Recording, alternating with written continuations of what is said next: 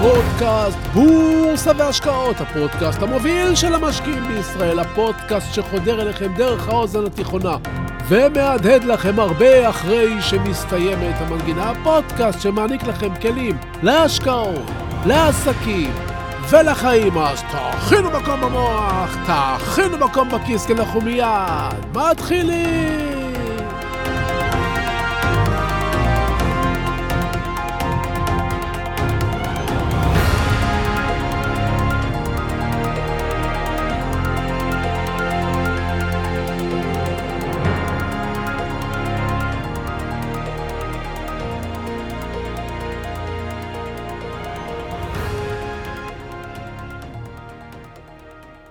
יש איזה סיפור ישן שתמיד סיפרו כשדיברו על קיצוצים. זה הולך ככה. איש אחד החליט לחקור מה קורה לזבוב עם שש רגליים אם מורידים לו רגל. במהלך הניסוי הוא הסיר את אחת מרגליו של הזבוב, שחרר את הזבוב, והזבוב עף. והחוקר כתב במחברת המחקר, זבוב עם חמש רגליים עף. הניסוי המשיך, ועוד רגל הוסרה. גם הפעם כתב אותו חוקר במחברת זבוב עם ארבע רגליים, אף. הניסוי המשיך. רגל נוספת הוסרה, והחוקר רשם זבוב עם שלוש רגליים, אף. ועוד רגל הוסרה, והחוקר תיעד זבוב עם שתי רגליים, אף. ואז עוד רגל הוסרה, ואז כתב החוקר, זבוב, בלי רגליים, מת. ומדוע נזכרתי בסיפור הזה השבוע? כי בשבועות האחרונים אנחנו שומעים על פיטורים המוניים בחברות השונות שאנו מכירים מהבורסה. נכון לינואר 2023, 17% מהעובדים בתחום הסייבר פוטרו. עוד פוטרו 22% מהעובדים בתחום הענן והתוכנה הארגונית, 12% מכלל העובדים בקמעונאות והסחר האלקטרוני, 9% מעובדי תעשיית הפינטק פוטרו, 9% מעובדי תעשיית התוכן גם פוטרו, ואלה רק דוגמאות. בישראל פוטרו אלפי עובדים ובארצות הברית כבר מעל 100 אלף עובדים כבר פוטרו וזה עוד ממשיך. צביקה, תגיד, שואלים אותי בפרטי, כל העובדים האלה, שכל החברות מפטרות, זה אומר שהן מתחילות לסגור את העסק? הרי איך חברה מפטרת 500 עובדים ביום אחד? העובדים הללו עשו משהו אתמול ושלשום ולפני חודש, מי יחליף אותם? ואני נזכרתי בסיפור הזבוב. כי אתם שואלים בלי להכיר את הסיפור. האם גל הפיטורים זו הרגל הראשונה של הזבוב, ואולי הרגל החמישית? אנחנו מביטים בהשתאות על טוויטר של אילון מאסק, שפיטר כבר מעל מחצית מהעובדים בה, והציפור הכחולה עדיין מצייצת. אנחנו מופתעים מזה, איך זה יכול להיות? איך זה קשור אליכם? ולקבוצות שאתם נמצאים בהן בכל תחום, אפילו בבורסה. מה אפשר ללמוד מזה? אה, בדיוק. בדיוק על זה רציתי לדבר איתכם היום. שלום, וברוכים הבאים לפודקאסט בורסה והשקעות, הפודקאסט המוביל של המשקיעים בישראל, והיום נדבר על מניות והשקעות ובעלי עניין, וכמובן כמה דברים נוספים שומטי לסת, אז תהיו ממוקדים. תכינו מקום במוח, תכינו מקום בכיס.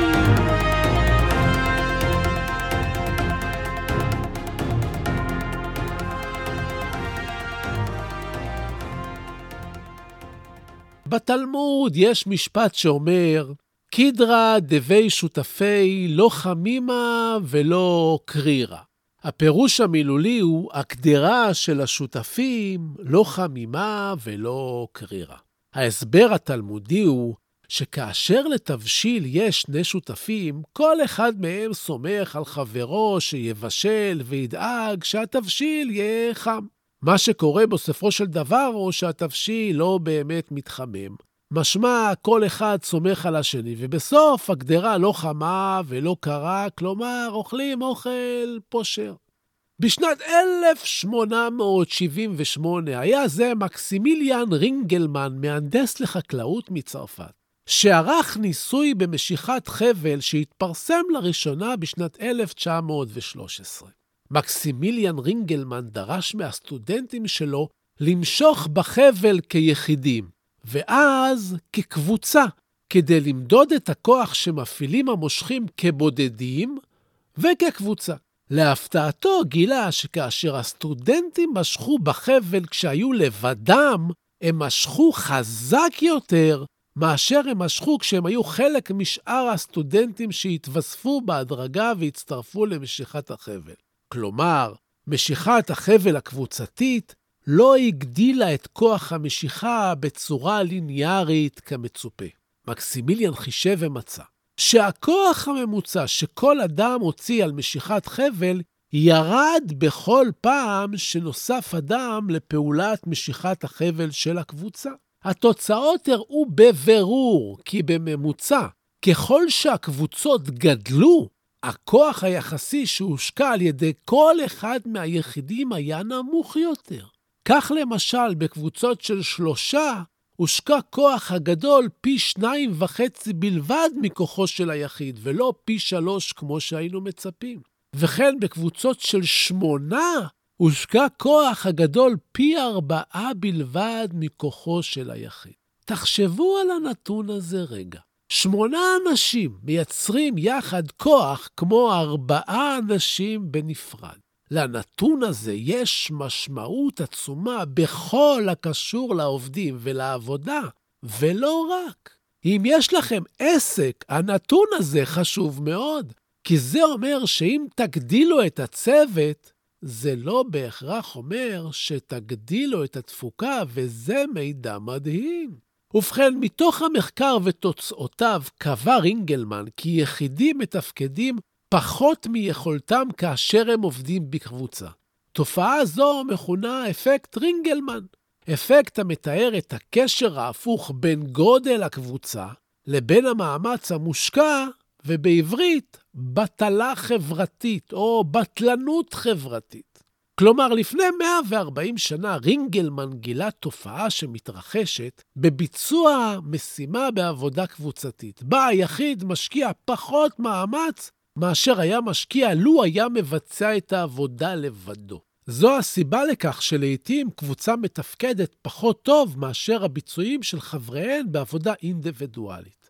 למעשה הנטייה לסמוך על עבודתם של אחרים גוררת השקעה של פחות מאמצים מצד היחיד. בשנת 1979 מדענים באוניברסיטת המדינה של אוהיו ביקשו לבדוק את אפקט רינגלמן בדרך אחרת. הם ביקשו מכל אחד מהנבדקים לצעוק כמה שיותר חזק כדי שימדדו את מספר הדציבלים שהם מגיעים אליהם. לאחר מכן, כמו רינגלמן, הם עשו זאת בקבוצה ומצאו שכל אחד צועק רק 80% מיכולתו לצעוק כאינדיבידואל כשהוא צועק בהרכב קבוצתי. את התופעה הזו, אפקט רינגלמן, ניתן לייחס לכמה דברים ולהסביר במספר דרכים. הדבר הראשון והבולט באפקט הוא תחושת חוסר ההוגנות. אף אחד לא רוצה להיות פראייר. כאשר אנחנו חברים בקבוצה, מרגישים שאחרים לא משקיעים מספיק מאמצים כמוהם, אז אנחנו מפחיתים את המאמצים כתוצאה מכך. דבר זה גורם תגובת שרשרת, אשר בסופה מתקבל מצב בו מעט מאוד עבודה ממוצעת. הסיבה השנייה להיווצרות התופעה היא פיזור אחריות. כשנותנים עבודה לכמה אנשים, הם נותנים מעצמם פחות, ולוקחים רק חלק מהאחריות, ולא את כל האחריות כמו שאנחנו עושים לבד. הסיבה השלישית לביסוס התופעה היא חוסר בהערכה. כשכמה מהאנשים מבצעים את אותה עבודה, כל עובד מקבל פחות תשומת לב אישית ופחות עידוד אישי. ולפעמים גם חוסר ההערכה הזה פוגע במוטיבציה שלו להתאמץ מאוד. אם אתם מעסיקים עובדים, תזכרו זאת ותדאגו להראות את הערכתכם לכל עובד בנפרד, גם בעבודה קבוצתית. הסיבה הרביעית היא קבוצות לא מלוכדות. קבוצות מתפקדות ביעילות כאשר חברי הקבוצה מגובשים. אם הקבוצה לא מגובשת, עולה הסיכון לבטלה חברתית. מאחר והיחיד פחות מודאג בכל הקשור לאכזבת חבריו בקבוצה, או אפילו כלל לא אכפת לו. כשבחברה יוזמים ומשקיעים בערב גיבוש, המוטיבציה עולה בימים שלאחר מכן. תבדקו את זה. ולבסוף, תרומה אישית פחות ניתנת לזיהוי. כלומר, למה להתאמץ כשאפשר להתאמץ פחות? כי ממילא מקבלים את אותה שכר ואת אותה הערכה, כמו כולם. נשוב לנושא הפיטורים. אז האם הפיטורים הם בכלל משהו טוב? תלוי מאיזו נקודת מבט מסתכלים על זה. מנקודת מבט של העובד או של החברה. זה מזכיר לי מקרה שקרה לפני עשרות שנים לאימי עליה השלום. אמא שלי הייתה מנהלת חשבונות במשרד שהיו בו שלוש עובדות שעבדו במחלקת שכר במוסד גדול בארץ. אנחנו מדברים על שנות ה-80 של המאה הקודמת. לאחר שנים, אחת משלוש העובדות במשרד, בו גם אמי עבדה, פרשה לפנסיה. ומנהל המחלקה החליט שהוא לא מביא עובדת חדשה, אלא מחלק את העבודה שעשתה העובדת שיצאה לפנסיה לשתי העובדות הנותרות, אמא שלי וחברתה לעבודה.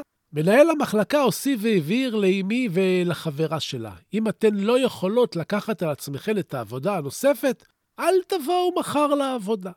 מאחר והן היו חסרות ביטחון, כמו העולים החדשים שהגיעו בעלייה של שנות ה-60 ופחדו על מקום העבודה, הם עבדו במאמץ רב יותר, ואפילו לקחו חלק מהעבודה הביתה כדי לעמוד ביעדים, וביצעו את המטלה שנתנו להם עד שגם הן יצאו לפנסיה.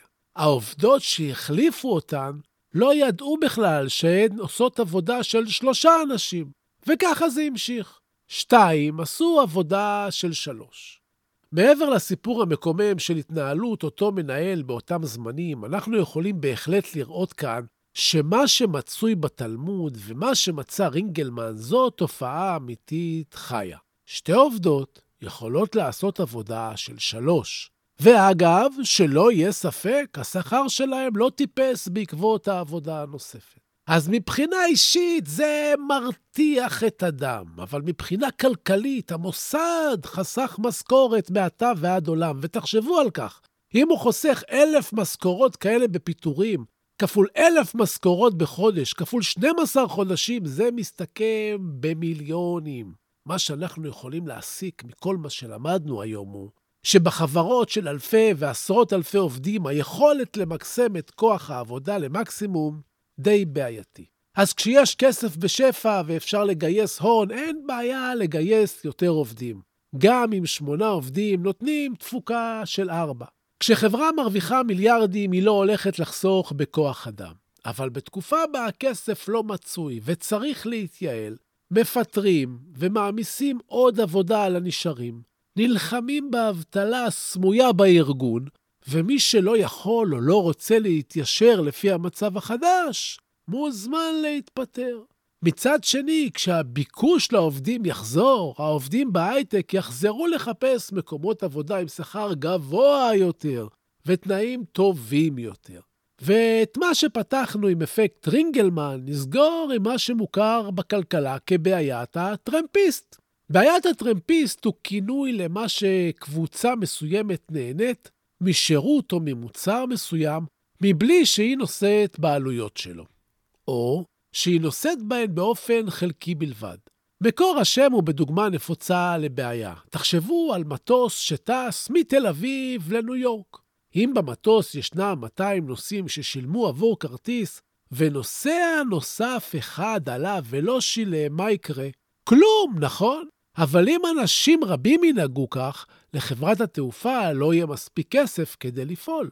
כלומר, נוסע אחד שלא שילם, זה לא משנה. אבל הרבה נוסעים שלא משלמים, זה כבר בעיה כלכלית.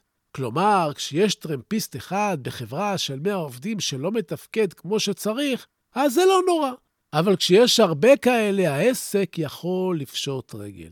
רוצה לומר, כשעסק עובד ומרוויח ולחברה אין בעיות של הכנסה, אז יש כמה טרמפיסטים, זה לא נורא. אבל בתקופות קשות, החברות מנערות את כל הטרמפיסטים וממשיכות הלאה. אז לגבי הפיטורים, מי ששאל, אל תדאגו לחברות. החברות יתייעלו. וברבעונים הבאים הם יציגו תוצאות טובות למרות הפיטורין, ובזכות החיסכון בשכר של אלפי עובדים שפוטרו. ליבי, ליבי כמובן עם המפוטרים, כי מאחורי כל מפוטר ישנה משפחה, וכל סיפור כזה הוא עצוב בפני עצמו, וזה מחזיר אותנו לקרקע, שנפנים שלא לעולם חוסן, ולכן עלינו ללמוד גם לחסוך וללמוד ולהשקיע בעצמנו, ולבלוט לעצמנו הון קטן ולטפח אותו כאילו היה שתיל שקיבלתם בט"ו בשבט, בגן, והוא צמח להיות צמח יפה ונאה. ועכשיו, עכשיו לפינת הטיפים שלנו!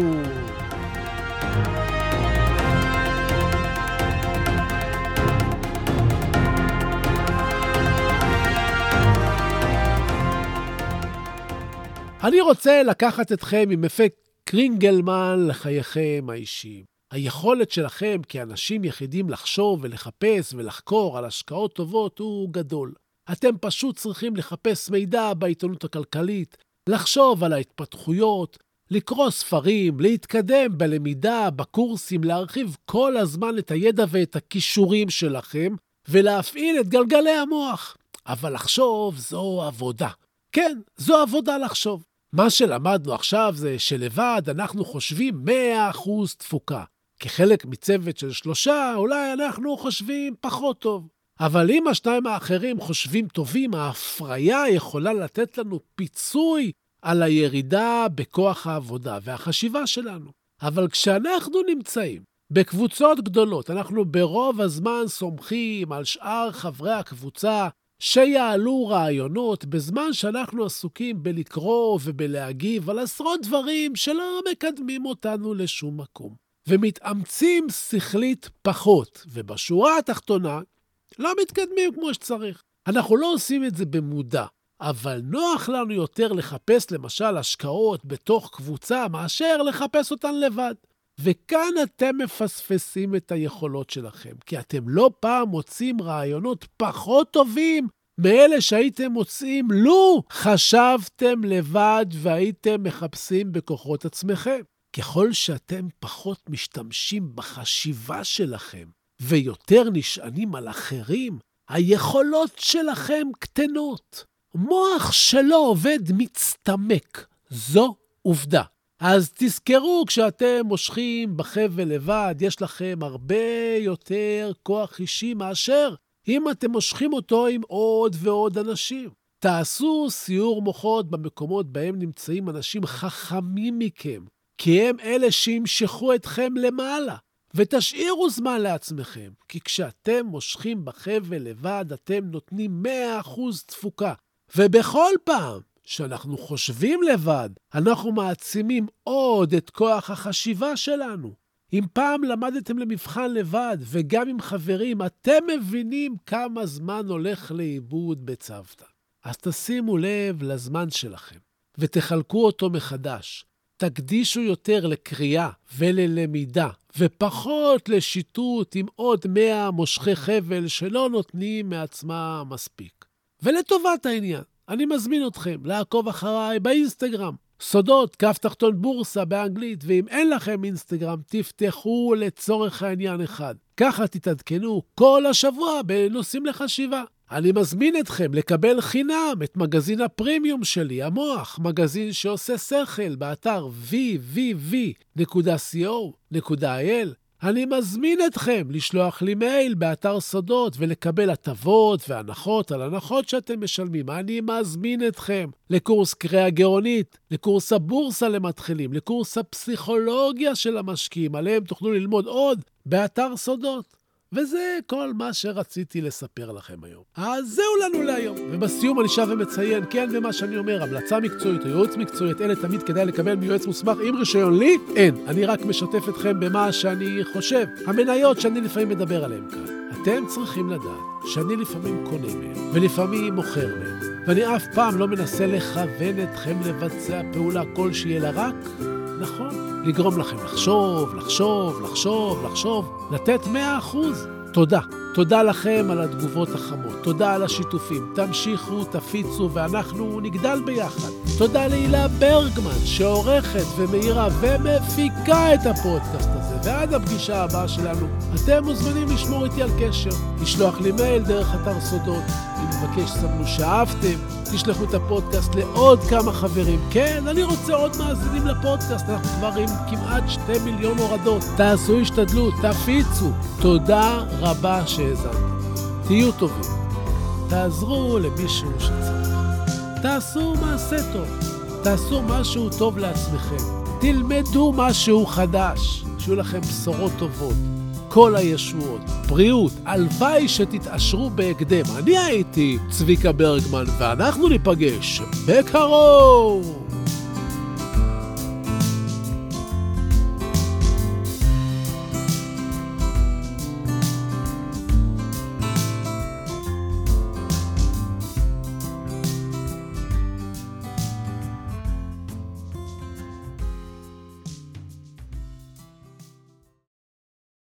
נאום ההכתרה של נלסון מנדלה.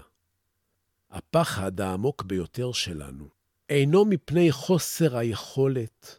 הפחד העמוק ביותר שלנו היא הידיעה שעוצמתנו אינה ניתנת למדידה. האור ולא הצל, האפל שבנו, הוא שמעורר בנו חרדות. כל אחד מאיתנו שואל את עצמו, מי אני שאוכל להרשות לעצמי להיות כל כך מבריק, מקסים, מוכשר ומאושר. למעשה, מי אתה שתרשה לעצמך לא להיות כזה? אנחנו ילדים של אלוהים. כשאנחנו בוחרים לשחק את המשחק הקטן, אנחנו לא משרתים את העולם. אין שום דבר נאור או מואר בצמצום האישיות שלנו, רק כדי שאנשים ירגישו נוח בחברתנו. נולדנו כדי לממש את הקסם האלוהי הגדול בנו, הוא לא גלום רק בחלק מאיתנו. כל אחד מאיתנו נושא את הקסם הזה בתוכו. כאשר אנו מרשים לאור הפנימי שלנו לזרוח באופן בלתי מודע, אנו מאפשרים לאחרים לעשות את אותו דבר כאשר אנו משתחררים מהפחדים שלנו. הנוכחות שלנו משחררת אחרים. נלסון מנדלה, 1994